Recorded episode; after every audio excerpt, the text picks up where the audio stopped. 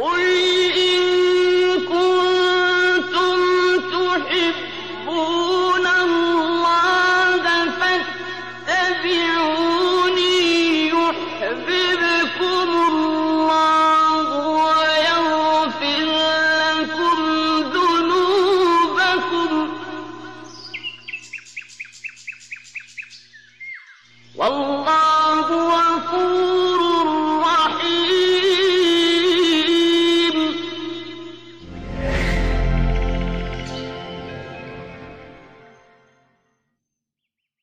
Bismillahirrahmanirrahim. Elhamdülillahi Rabbil alemin. Ve sallallahu ve sellem ala seyyidina Muhammedin ve ala alihi ve sahbihi ecma'in. Biz ümmeti Muhammed olarak bu dünyada sonuz. Bizden önce ümmetler vardı. Başlarında peygamberler vardı. Allah bizden ne istediyse onlardan da istemişti. Bizden neyi yasakladıysa onlardan da yasaklamıştı. Bizim hayat varlık nedenimiz neyse onların da hayat varlık nedeni oydu. Bizim insan kimliğimiz, biyolojik, fizyolojik ne, neyse, kimliğimiz neyse onlarınki de oydu. Babamız aynı, dünyamız aynı, Rabbimiz aynı, akıbetimiz aynı. Ama bizim Muhammed sallallahu aleyhi ve sellem diye bir peygamberimiz var. Onların da Musa diye aleyhisselam bir peygamberleri var. Her halükarda biz bizden öncekilerden sonra gelmiş bir ümmetiz. Her şeyimiz aynı. Peygamberlerimizin ismi farklı. Bizden beklenen şeyler, istenen şeyler aynı. Ama iblis de aynı. Düşmanlarımız da aynı. Şimdi bir mal ve para ihtirası var. O zaman da vardı. Şimdi haset var. O zaman da vardı. Şimdi uyuma keyfi var. O zaman da vardı. Biz eğer bugünkü birikimimizi eski milletlerden oluşmuş birikimimizi yok kabul edip hayatı yeniden başlatır gibi Müslümanlık yaşamaya kalkarsak bu tam öğrenirken bırakıp gitmek gibi bir sonuç getirir. Vakit yetmez öğrenmeye. Onun için Allah Kur'an'ımızda çok yoğun bir şekilde bizden öncekilerin hayatına ait sonuçları bize öğretiyor. Diyebilirim ki, Kur'an'ımızda namazımız, orucumuz ve ibadetlerimizle ilgili mesela 10 ayet varsa, bizden önceki ümmetlerin akıbetleriyle ilgili 30 ayet vardır. İki katı, üç katı daha fazladır. Neden? Çünkü mantık olarak öncekilerin gidişatı ve sonucunu yakalamış bir mümin problemi çözmüştür zaten. Kendi imani hayatını, ibadet hayatını daha iyi yürütebilir. Kur'an'ımız Fatiha'dan sonra Bakara suresiyle başlar. Yaklaşık olarak iki buçuk cüzdür. Bu iki buçuk cüz Kur'an-ı Kerim'in en büyük suresi Bakara suresinin neredeyse yarısı Yahudileri anlatan ayetlerdir. İsrailoğullarını. Oturup düşünülmesi gereken bir konu bu. Hatta başlarken onlarla başlıyor. İlk yüz ayet onlarla yoğun bir şekilde doludur. Bu Kur'an-ı Kerim'in önümüze bilerek çıkardığı bir tablodur. Bir rastlantı eseri değil bu. Yusuf suresinin 111. ayetinde Allahu Teala لَقَدْ كَانَ ف۪ي قَصَصِهِمْ عِبْرَةٌ لِعُلِي الْاَلْبَابِ buyuruyor. O geçmiştekilerin hikayelerinde aklı olanlar için ibretler vardır buyuruyor. Bugün biz ümmeti Muhammed olarak bir zina yayılması sorunu yaşıyorsak, faiz yayılması sorunu yaşıyorsak, insanlık değer kaybediyor diye bir sorun yaşıyorsak ve benzeri ne yaşıyorsak, bu sorunların üç aşağı beş yukarı aynısını insanoğlu yaşadı daha önce. Kur'an bunları kaydetti. Resulullah sallallahu aleyhi ve sellem sizden önce şöyle biri vardı diye bunları bize nakletti. Öncekilerin olayları kıssalar şeklinde bize bizim için anlatılıyor. Onların bizden 5000 sene önce yaşamış, Kur'an'ın inmesinden 4000 sene önce yaşamış birinin olayının bize anlatılmasının ona bir faydası yok ki mezarında. Nuh Aleyhisselam'ın kavmi onlarla ilgili bir surenin Kur'an'da indiğini bilmelerinden, bilmemelerinden bir sonuç çıkmayacak ki akıbetini bulmuş onlar zaten. İyi veya kötü. Ama biz Nuh Aleyhisselam olayından kendimize ders çıkarmak zorundayız. Ümmet olarak A, B, C, 1, 2, 5 Müslümanlar olarak hepimiz erkekler olarak, kadınlar olarak bunu yakalayamadığımız takdirde Allahu Teala'nın akıbetleri böyle oldu diye bize anlattığı kavimlere benzemeye devam ederiz. Ya bize müstakil bir ders, ibret oluşacak ve biz biiznillahü teala Rabbimizin razı olacağı yola gideceğiz ya da bu ibreti alamadığımızdan dolayı yuvarlandıkları kayadan aşağıya biz de yuvarlanacağız. Kur'an'ımızın bize farklı surelerin farklı ayetlerinde defalarca birden çok anlattığı olaylardan biri Yahudilere ait cumartesi olayıdır. Cumartesi adamları diye bir olay var Kur'an-ı Kerim'de. Bir, birden fazla surede bu anlatılıyor. Ama El-E'raf suresinin 163, 164, 165, 166 ve 167. ayetlerinde El-A'raf suresinin ayrıntılı bir şekilde cumartesi adamları diye bir olay anlatılıyor.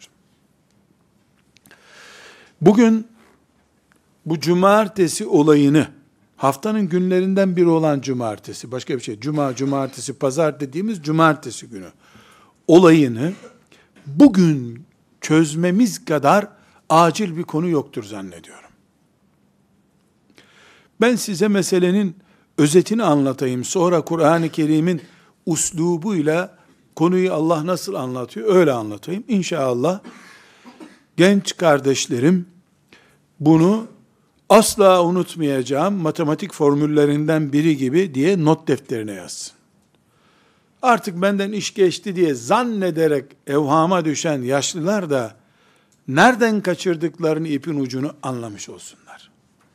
Siyasette, ticarette, ziraatte, ekonomide, sosyal ilişkide vesairede mümin olarak yaşamamızı şeytan hep alkolle mi engelliyor? Şeytanın başka taktiği yok mu? Bunu öğrenmiş olacağız. Mesele şu. Büyük ihtimalle bugünkü Gazze sınırından Suriye'ye doğru gelinen o bölgedeki Akdeniz sahilinde bir köy. Ama yerini zikretmiyor Kur'an-ı Kerim. Çünkü olayın aslı bize lazım. Davut aleyhisselam zamanında olma ihtimali de yüksek. Balıkçılıkla geçinen bir Yahudi köyü var. 12 bin nüfuslular o zaman. Demek ki köy deyince de bizdeki bir kasaba kadar büyük bir köy. Onlara peygamberleri diyor ki, Allah cuma gününü mübarek gün olarak size tayin etti. Yahudi kafası biz cumayı beğenmeyiz diyorlar. Cumartesi olsun. O da etmeyin eylemeyin. Niye siz cumartesi diye diretiyorsunuz? Allah size ne dediyse o haftalık bir gün olacak ya. Diyorlar ki peygamberlerine Allah dünyayı altı günde yarattı. Yedinci gün yoruldu, dinlendi. O da cumartesiye rastlıyor. Biz cumartesiyi dinlenme günü yapalım. Dediler. Bu cumartesiyi dinlenme günü yapalım sözü peygamberlerini üzdü. Allahu Teala da peygambere vahyetti ki dedikleri gibi olsun. Ama onlar cumartesini haftanın tatil günü olarak belirlerken Allah'a karşı galibiyet kazandıklarını zannederken onların imtihan düğmesine de basılmış olduğunu anlayamadılar. Cumartesi günü kutsal günümüz dediler. Hala öyle biliyorsunuz. Cumartesi günü kutsal günümüz diye onlar benimseyince allah Teala peygamberine vahyetti ki madem bunlar cumartesi günü kutsal günümüz dediler cumartesi günü balık tutmayacaklar. Haram bunlara balık tutmak cumartesi günü.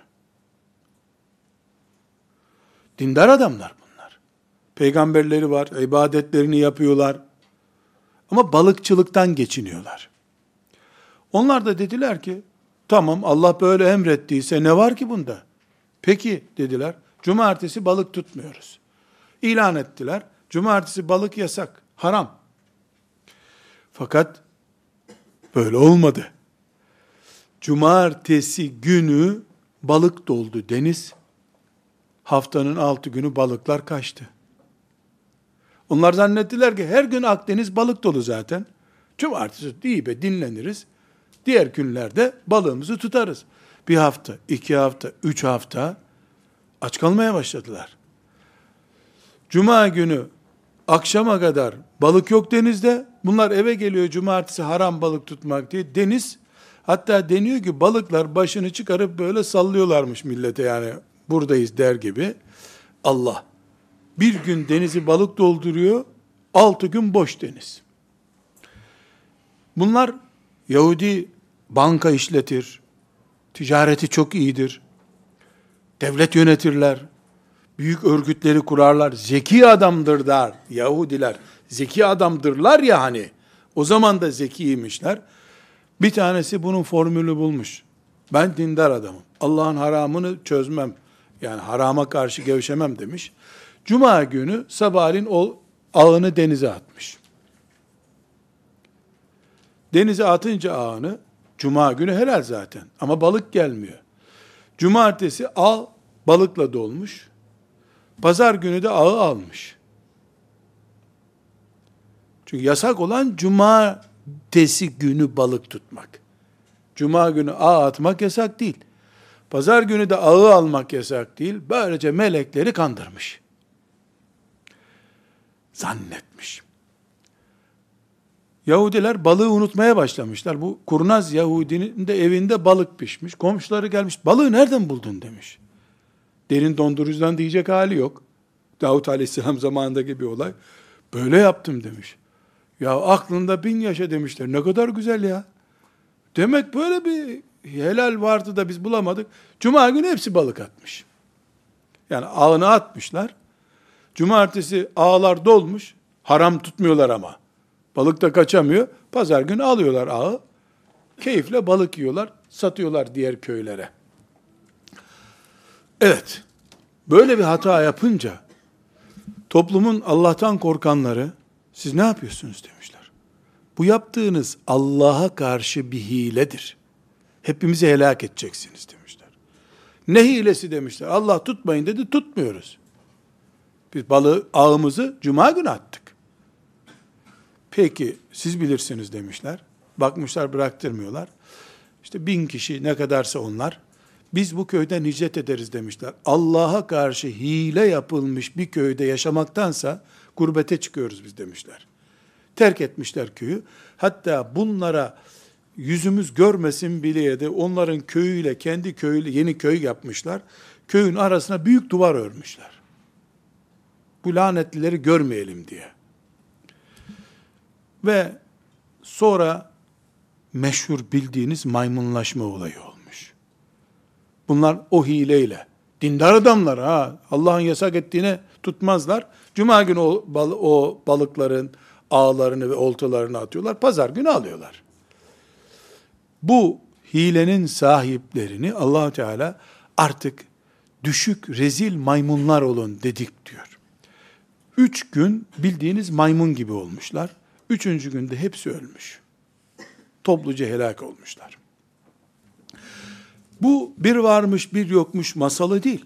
E'raf suresinin 163'ünden 167.ye kadar olan ayetleri.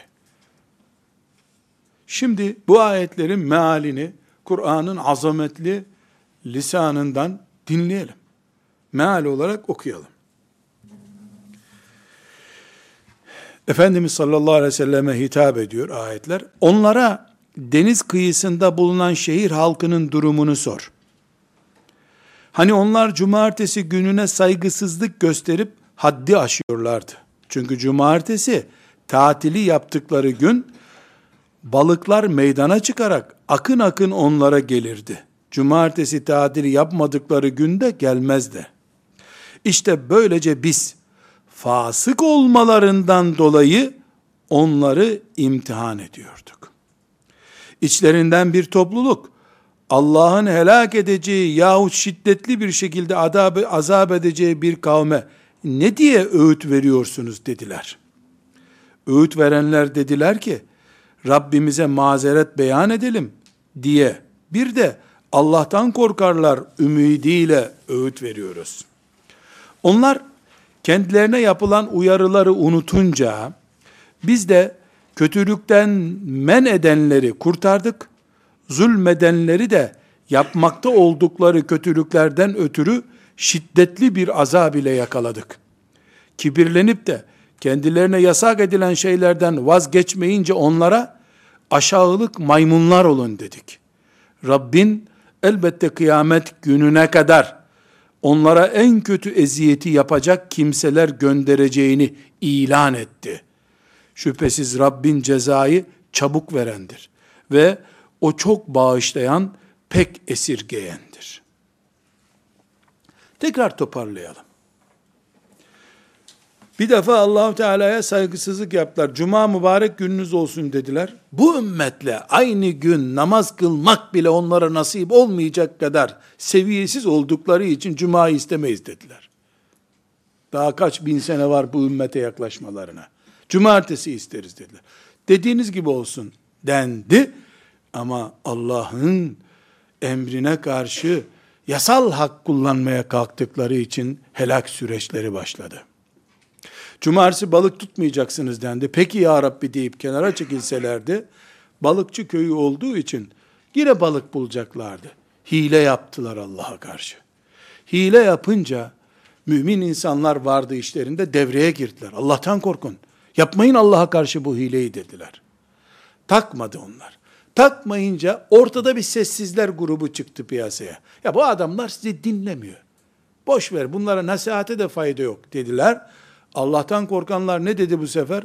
Evet onlar fayda görmeyebilir. Biz Allah'ın emrini savunanlardan olmak istiyoruz dediler.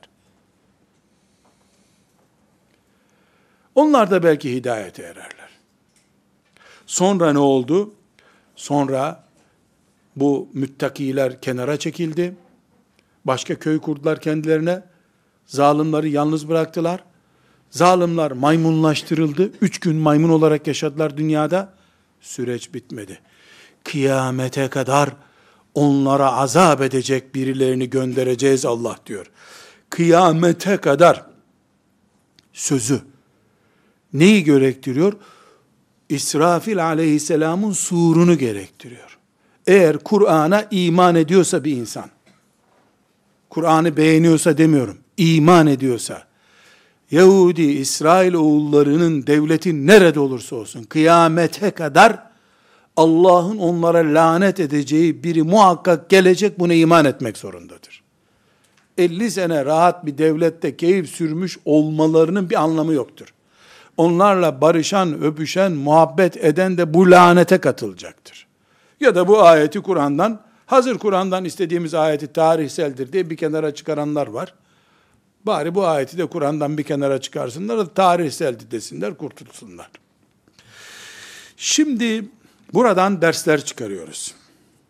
Bir kere Kur'an-ı Kerim filan köyde Kudüs'ten 100 kilometre ötede filan demiyor. Niye? Çünkü önemli olan bu olayın içeriği, nerede olduğu, kaç yaşındaydılar, çoğu kadın mıydı, çoğu erkek miydi? Bunu, bunu önümüze çıkarmıyor Kur'an-ı Kerim. Ya neyi önümüze çıkarıyor? Allah'a karşı hile yaptılar mümin oldukları halde diyor. Bir, iki, bir ders daha çıkarıyoruz bundan. Buradaki insanlar Allah'ın imtihanını böyle bir gökten azap yağar. Sabaha kadar secde edin. İşte eliniz ayağınız kurusun diye bekliyorlardı. En keyifli yerden imtihan buldu bunları mesleklerinden. Balıkçılık. Balıktan yakaladı Allah bunları. Çünkü 12 bin nüfuslu bir yer yaklaşık olarak. Bu rakam da kesin değil. Tarihi bilgiler bunlar. 12 bin nüfuslu bir yer balıkla geçiniyor. 6 gün balık çıkmıyor, bir gün çıkıyor. O bir günde yasak gün. Şeytan hile öğretti. Önce Allah ayağın kayabileceği kaypak bir zemin kurdu bunlara. Ama tamamı toplumun bu tuzağa düşmedi. Bir balık için Allah'a hile yapabilecek kadar satılık yürekler grubu oluştu. İki, aç kalırız Allah'a karşı hile yapmayız diyen sadıklar oluştu. Üç, ya ne oluyor burada deyip yapmayın böyle deyip kenara çekilenler oldu. Üçe ayrıldı toplum. Nankörler, vefalılar, pozisyonu seyredenler. Azap gelince topluca helak etti nankörleri. Gerisi o günaha katılmadığı için kurtuldular. Yalnız bir şey unutmuyoruz. Başlarında peygamber vardı bunların. Kafir değildiler. Mümindiler. Kesinlikle mümindiler. Ve Yahudilerin İsrail oğullarının lanetli olmaları böyle başladı. Daha önce de Musa Aleyhisselam'ı bunaltmışlardı zaten. Şimdi buradan biz Allahu Teala'nın huzuruna çıktığımızda kıyamet günü Kur'an'da sizin ibret alacağınız kıssalar vardı. İbretinizi alsaydınız sözüne muhatap olmamak için 10 ders çıkaracağız. Böylece kıyamet günü kurtulacağımız bir süreci inşallah başlatacağız. Birincisi, bu ayetler El-Araf suresinde diğer yerlerde de var Kur'an-ı Kerim'de ama dağınık vaziyette, burada toplu vaziyette anlatılıyor. Bu ayetlerin işaret ettiği bir numaralı sır şudur. Aslında dünya hayatında haramlar azıcıktır. Helaller çoktur. Bir markete girdiğinizde 10 maddeden fazla değildir oradaki. 10 kalemdir haram olan şey. Bin kalem de helaldir. Dünyanın aslı helaldir. Alkoldü, domuzdu, kandı, 5-10 madde haram maddedir. Buna rağmen, buna rağmen, hayat bir imtihandır ya, bu imtihanda ne hikmettir ki haram hep caziptir. Altı gün yeter bize. Allah bir gün yok dedi ne olacak ki aç mı kalırız deselerdi bu imtihanı kazanacaklardı. Altı günü attılar bir güne yakalandılar. Çünkü ayet diyor ki bir kere fasıklık sindi içlerine diyor. Yani Allah'a karşı baş kaldırma, isyan etme, bana göre, bize göre, ben diyorum ki ama lafları bir kere içine sindi bunların. Bu sebeple de Allah bunları imtihan, o da cuma gününü beğenmemeleriyle başladı. Bizim istediğimiz gün tatil olsun dedi. Masal uydurdular. Allah bile cumartesi dinlenmişti dediler. Haşa. Haşa. Ayet var ki Allahu Teala yorulmaz. Ama buna rağmen bu cüreti gösterdiler. Burada haramlar aslında az, helaller aslında çok ama haramlar helallerden daha fazla yaygındır dünyada. Tıpkı ne gibi? Altı gün balık bir iki tane geliyor denize, cumartesi doluyor deniz. Belki şeytan da kendini balık haline getirip denizden bunlara el sallamıştır. Gelin çok balık var burada diye. İşte bunun için esnaf bu memlekette faizsiz hiçbir iş yapılamıyor diye bağırır durur.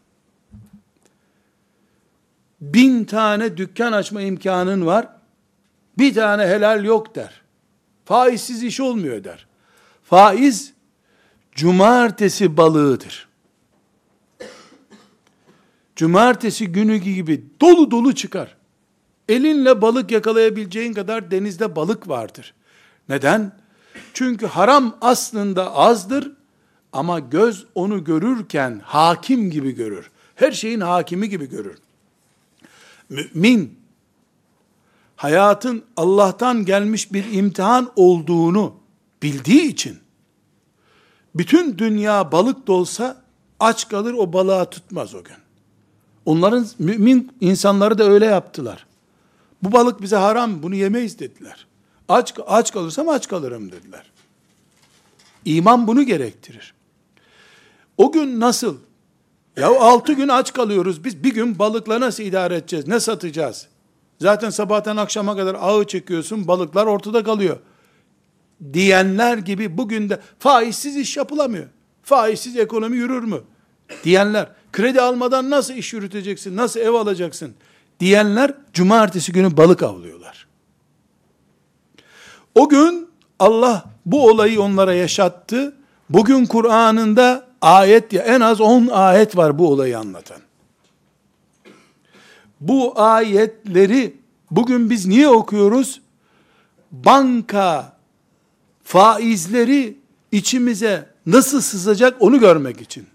Müzik nasıl helalleştirilecek onu görmek için. Müzik sanki başka türlü haber dinlenmez gibi. Hatta bir dini konu bile müziksiz anlatılamazmış gibi. Nasıl cumartesi balığı olacak müzik onu görmek istiyoruz. Diploma uğruna dinin bile feda edilebileceği bir değer haline nasıl gelebilir onu gösteriyor. لَقَدْ كَانَ ف۪ي قَصَصِهِمْ عِبْرَةٌ لِعُلُ الْاَلْبَابِ Aklı olan bundan ders alacak. Allahu Teala bir kere sen onun sana tayin ettiği cuma gününü beğenmez de cumartesi dersen o günü senin imanını kaybedeceğin, insanlığını kaybedip maymun olacağın hale getirirsin allah Teala. Neuzu billahi Teala. Bir afettir bu. Bu bir afettir. Birinci nokta bu. Aslında haram azdır, helal çoktur ama az olmasına rağmen haram her tarafa rengini verir ve insanlar haramsız hayatın olmadığını zannederler imtihan gereği. İki, Allah'ın şeriatına karşı hile oluşturmayı ilk defa Yahudiler denediler böylece. Bu ilk olay yeryüzünde.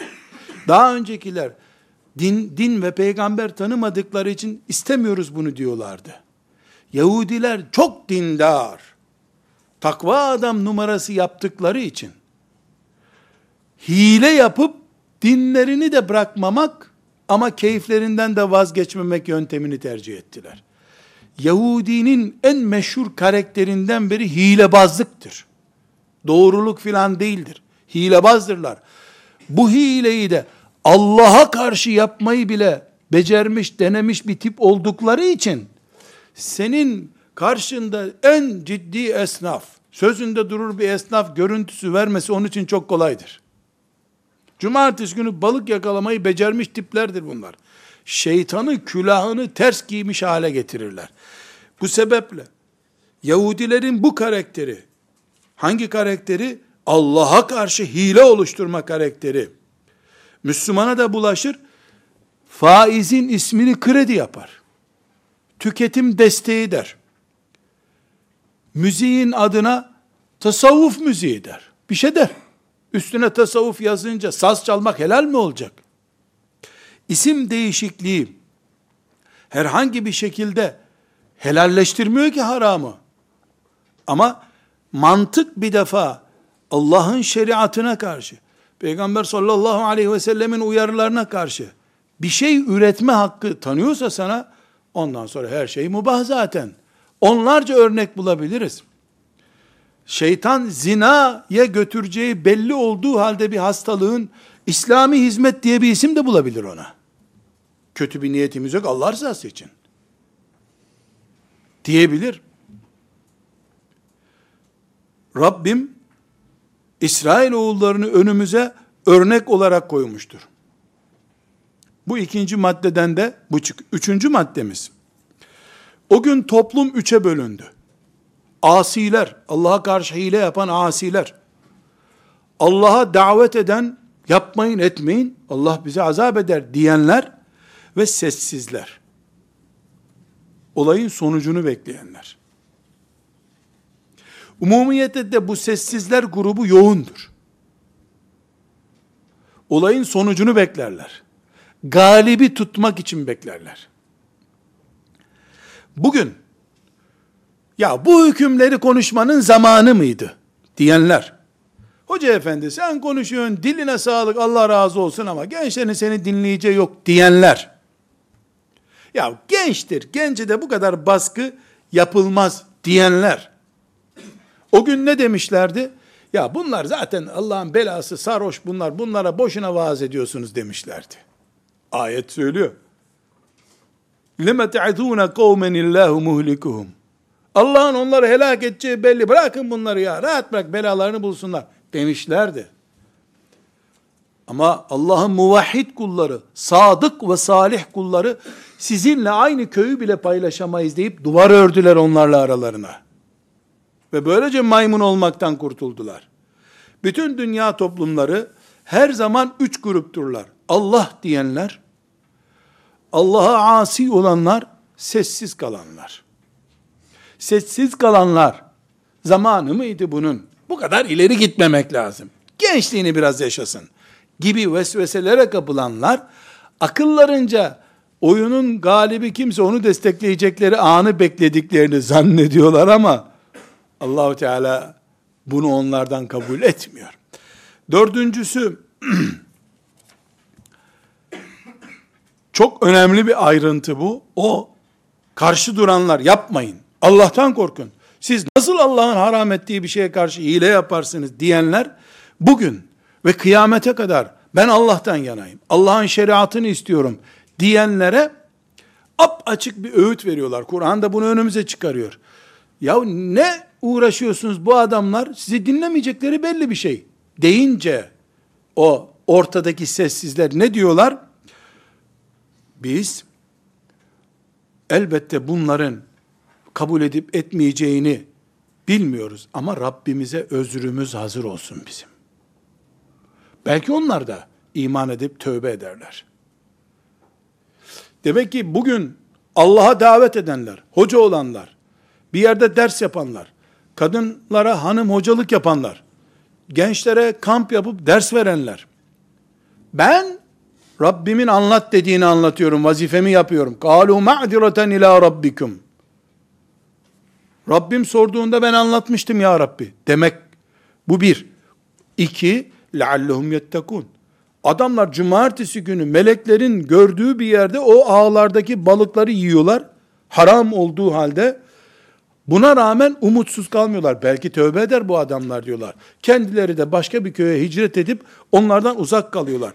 Demek ki Allah'a davet edenler kıyamete kadar camilerin altında bile bankamatikler varsa, camilere bile e, kesinlikle faiz bulaştı, haram bulaştı, caminin altında bile müzik çalıyor, böyle bir durum oluşsa bile sıfır umutlu olmayacaklar, vazifesini yapmaya devam edecekler. Ne olursa olsun. Ma'zireten ila rabbik. Rabbimize karşı bizim özrümüz hazır olsun. Gerisini Allah ne yaparsa diyecekler, demelidirler. Aksi takdirde kesinlikle vebalden e, kurtulamazlar. Beşinci olarak sonuç ne oldu? Asiler isyan ettiler. Allah'tan korkanlar etmeyin eylemeyin. Bu iş yanlıştır dediler. Ve bununla da kalmayıp sözlerin dinlenmeyeceğini ve Allah'a isyan edileceğini anlayınca köylerini terk edip yeni bir köy kurdular. Araya duvar kurdular. Hatta mikrop bulaşmasın der gibi, hijyenik bir tedbir gibi bir de duvar ördüler. Öbür taraf ne oldu? O hileyle başladıkları oyun, yani cuma günü ağlarını atıyorlar, cumartesi balık doluyor, pazar günü alıyorlar, baktılar ki gökten taş yağmadı. Boş ver dediler, cumartesi yaptılar bu işi bu sefer. Cumartesi aldılar ağları. Cumartesini bile resmen kullanmaya cüret edince o gün maymun oldu hepsi. Bu maymunlaşma süreci altıncı noktamız fiilen maymunlaşmadır. Ümmetimizin ulemasının cumhuru böyle inanıyor. Bildiğiniz maymun oldular. Şu kadar ki maymun olarak uzun süre yaşayıp da evlendiler, maymunlar arası çocuklar oldu, böyle bir şey olmadı. O maymun nesil üç gün sonra öldü gitti. O iyi olanlar, salih olanlardan nesilleri devam etti. Belki de Darwin yani dedelerindeki bu ayıbı örtmek için bir Yahudi olarak bütün insanlık maymundan geliyor deyip sıyırmaya çalıştı bu işten. Bütün insanlık değil, onun dedelerinde var bu sorun. Ya da kendisini şimdi Yahudi akrabası zannedenler de olabilir. Burada yedinci bir maddeye geçiyoruz. Neden sessizlik bir sorun oluyor? Sessiz kalmayı niye ayet gündeme getirdi? Çünkü bir, sessizlik bir benimseme belirtisi olabilir. İki, o günahları yapanlar, refleks görmedikleri, tepki görmedikleri zaman toplumdan, cüretli bir şekilde o günaha sarılırlar. Üç, aynı şekilde başkalarının da böyle yapınca bir şey olmuyormuş zannetme nedeni olurlar. Bu nedenle Allah'a asi olanlarla isyana sessiz kalanlar, zamanı mıydı bunu söylemenin? Gençleri sıkıştırmamak lazım. Çok baskıcılık uygun değil diyenlerin bu endişelerin cevabını bulması gerekiyor. Allah'a isyana sessiz kalmak ne zaman helal olabilir?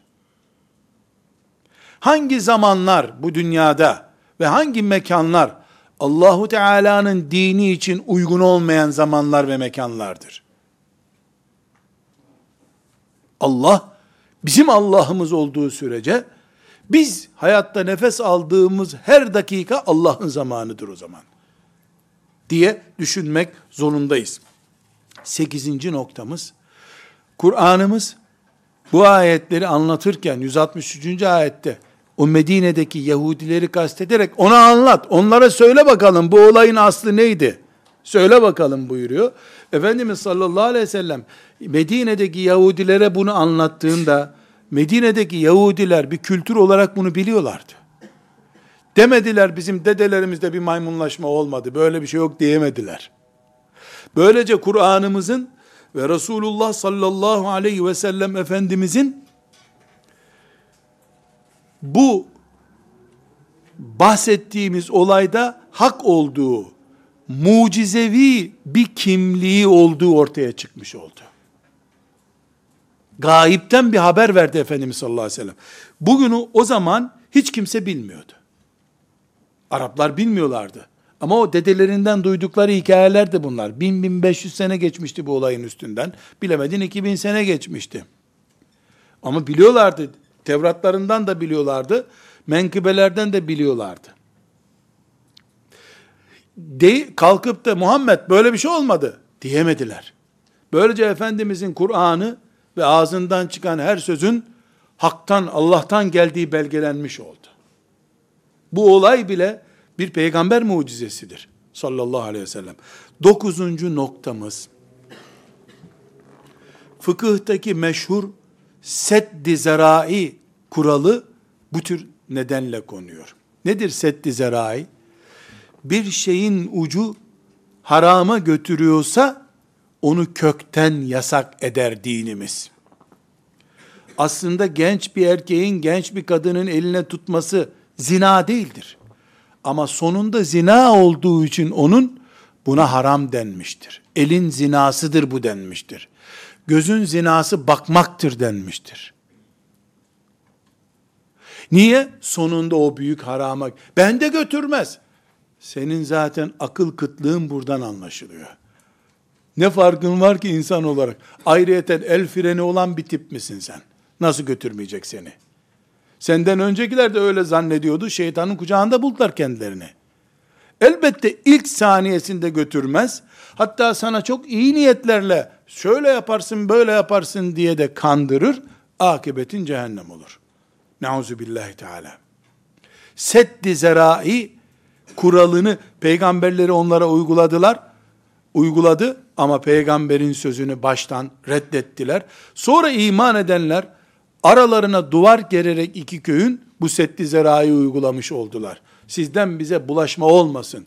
Çocuklarımız sizin bu isyanınızı görmesin dediler. Ve onuncu noktamız. Şimdi bu dersi niye yaptık noktasına geldik. Her zaman bir hadisi şerif okuyup o hadisten neler çıkıyor diyorduk. Şimdi hadisi en sona bıraktık. Bütün bunları şu hadisi şerif için okuduk. Konuştuk. Bukhari'de 3456. hadis. Müslim'de de 2669. hadisi şerif. Hepimizin belki 50 defa duyduğu meşhur hadisi şerif. Ebu Sa'id radıyallahu anh rivayet ediyor. Resulullah sallallahu aleyhi ve sellem buyurdu ki, sizden öncekilerin, yani eski ümmetlerin, karış karış izini süreceksiniz. O kadar ki onlar bir keler deliğinden yani küçük bir fare gibi bir delikten girmeye çalıştılarsa siz oradan da gireceksiniz. Ya Resulallah demişler. Yahudi ve Hristiyanlar mı bizim taklit edeceğimiz kimseler ya da kim? Kim buyurmuş? Hadisi şerifin bizim günümüz Türkçesiyle toparlanmış şekli nedir? Yahudi ve Hristiyanları adım adım takip edeceksiniz bir bela olarak. Bu hadisi şerifi 10. madde olarak kayıtlara aldık. Bugün Müslümanlar cami yaptırırken bile Almanya'da, Hollanda'da Türkiye'de evini genişleteceğim derken, işi genişleteceğim derken, düğün yapacağız derken, faizi nasıl da kılıflandırıp, isimlendirip kendilerine yutturuyorlar. Başka türlü anlatılamaz bu. Sadece Anadolu topraklarında daha kullanılan bir alettir diye bazı müzik aletleri nasıl helalleşiyor ancak böyle anlayabiliriz bunu.